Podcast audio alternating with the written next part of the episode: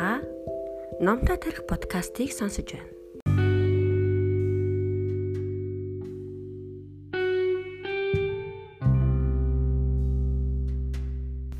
Алтан дээл Карнигийн номын 1-р дэвтэр 3-р хэсэг 4-р бүлэг Салхи ба нарны үлгэр Та бухимдан бие барьж чадлаггүй сансан бодсноо шуутхан хэлж орхилоо гэж бодъё. Та ч яхав сэтгэл чинь онгойж санаа чинь амардаг юм байж хамаг уураа гаргасан нөгөө хүн яах вэ? Сэтгэл хангалуун байдлыг авч чадах болов? Таны дайсансан айс хүйтэн харилцаа түүнийг өөртөө чинь санал нэгтэй болох болов? Хэрв та над дээр нудрага зангидан орж ирвэл би бас нудрах чанга зангидж чадхаа амлая. Харин хамт суугаад хэлэлцээ. Энэ тэр зүйлээр ам зөрвөл чухам юун дээр яага зөрөв гэдгийг ойлгохыг хичээцгээе гэж хэлбэл удалгүй бид бидний санал зөрсөн зүйл тийм ч чухал бус болохыг мэдэх болно. Төвчээр гарган хил амаа ололцохыг чин сэтгэлээсээ хүсвэл олох болно гэж Вудро Вилсон ярьдаг байв. Хүн танд нэгэнт талгүй, дургүй бол юу ч гэж хэлээд санал нэг болгож өөртөө татаж чадахгүй Хүмүүс санал бодлоо өөрчлөхийг хүсдэггүй. Мөнхийн өглөө эцэг эхчүүд дарангуйлагч дарга эзэр хүү нөхрүүд ааштай эхнэрүүд ойлгол зохино. Өөрсдөө хүсэхгүй бол хүмүүсийг альбом хүчээр санал нэг болгох аргагүй. Харин нөхөрсөг зөөлөн харьцвал сансандаа хүрч магадгүй юм. Хэрв та хүнийг өөрийн талд оруулахыг хүсвэл юуны өмнө үнэн ч нөхөр нь болохоо харуулах хэрэгтэй. Энэ бол зүрх сэтгэлийг татах бөгөөд юу ч хэлсэн оюун санаанд нь хүрэх дардан зам мөн гэжээ. Ажил хаягчдад нөхөрсгөөр хандах нь хамаагүй дээр гэдгийг ажил хэрэгч хүмүүс ойлгож эхэлсэн байна. Тухайлбал White Motor компани 2500 ажилчин ажил хаяхад компани ерөнхийлөгч Роберт Билек тэднийг зэмлсэнгүй. Занл хийсэн чгүй. Оронд нь бараг л магтаж гарчээ. Сонд нийтлүүлсэн өгүүлэлдээ хөдөлмөрийн баг зэвсгээ найрсгаар орхисон химээсайж. Ажил хаягчдын харуулууд явж бүг хараад бейсбол тоглоход хэрэгтэй бүхнийг худалдаа авч өгчээ. Билекийн энхүү элэгсэг байдал үр дүнтэй болсон юм. Нэг талаас гаргасан нөхөрсөг дотн байдал нөгөө талыг бус үүнд хүргэдэг байна.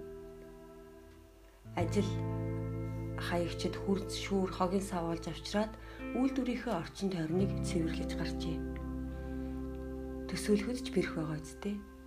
Ажилчид цалингаа нэмэгдүүлэх, үйлдвэрчний эвлэлийг хүлээн зөвшөөрүүлэхийн төлөө ажил хайсан хүмүүс үйлдвэрийн орчин тойрноо цэвэрлэх гэж юу гэсэн үг вэ? Америкийн ажил хаялтын түүхэнд ийм явдал болж байсангүй. Энэхүү ажил хаялт ердөөл 7 хоног үргэлжилж хоёр тал харилцсан буулт хийж тохиролцсноор төгссөн юм. Даниэл Вебстер хэдийгээр сансан хэрэг нь сайн бүтдэг өмгөөлөгчдийн нэгэн боловч хамгийн ихтгэл төгс үгээ хэлж байх үедээ ч энэ асуудлыг шийдэх нь шүүгчийн хэрэг энэ талаар бодох хэрэгтэй шүү ноёдоо. Эдгээр баримтсэлтийг анхааралтай аавна гэж найднам гэх юм уу? Хүний мөн чанарыг сайн мэдэх та бүхэн эдгээр баримтсэлтийн ач холбогдлыг амархан ойлгоно гэх зэрэг үг хэлдэг байжээ. Өөрийнхөө бодлыг бусдад нэлзаах өрчүүхэн ч оролдлого гаргалгүй намун, тайван, нөхөрсөг хандлагыг илүүд үздэг байсан. Энэ нь ч түүнийг нэрт гаргасан юм.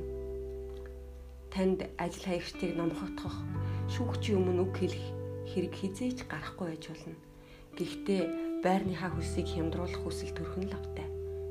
Энэхүү нөхөрсөг хандлага танд тус болж чадах болов. Үзээд алдъя л та.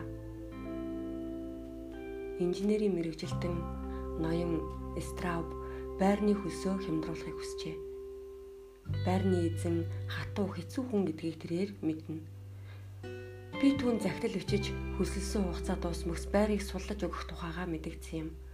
Үннээ хэлэхэд нууж гарахыг хүсээгүй юм. Хөлс нь хямдруул дуртайя үлдэх байв.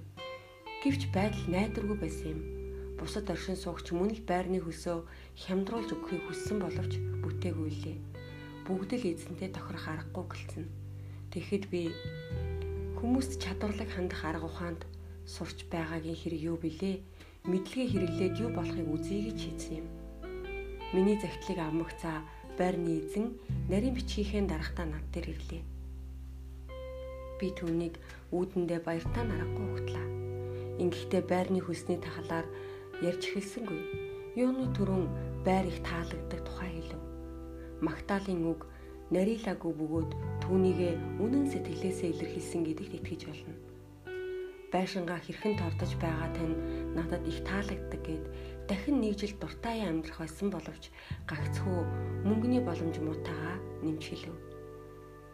Түүнийг оршин суугчид хизээч ингэж угтаж байгаагүй бололтой. Яхаа мэдхгүй байх шиг санагдсан. Байрны эзэн надад зовлонгоо тоочж эхлэв.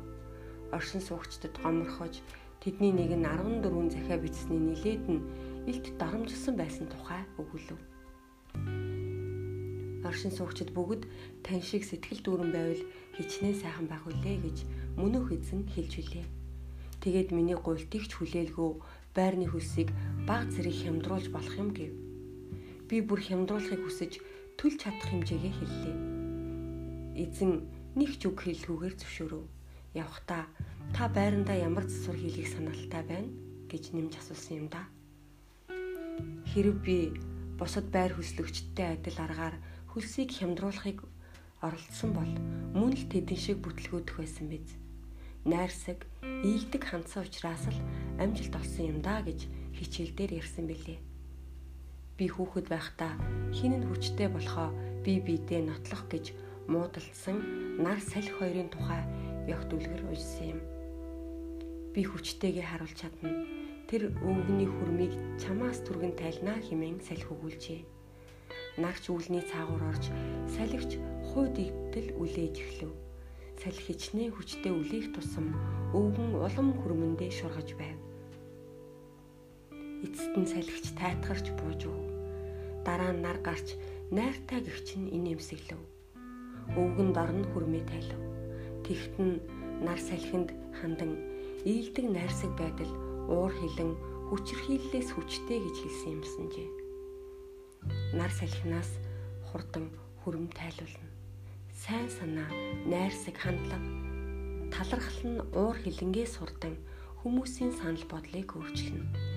Ингээд хэрв та хин нэгнийг өөртөөгөө санал нэгдээсэ гэж хүсвэл дөрөв дэх мөрдлөгийг баримтлахаа буумартаарай.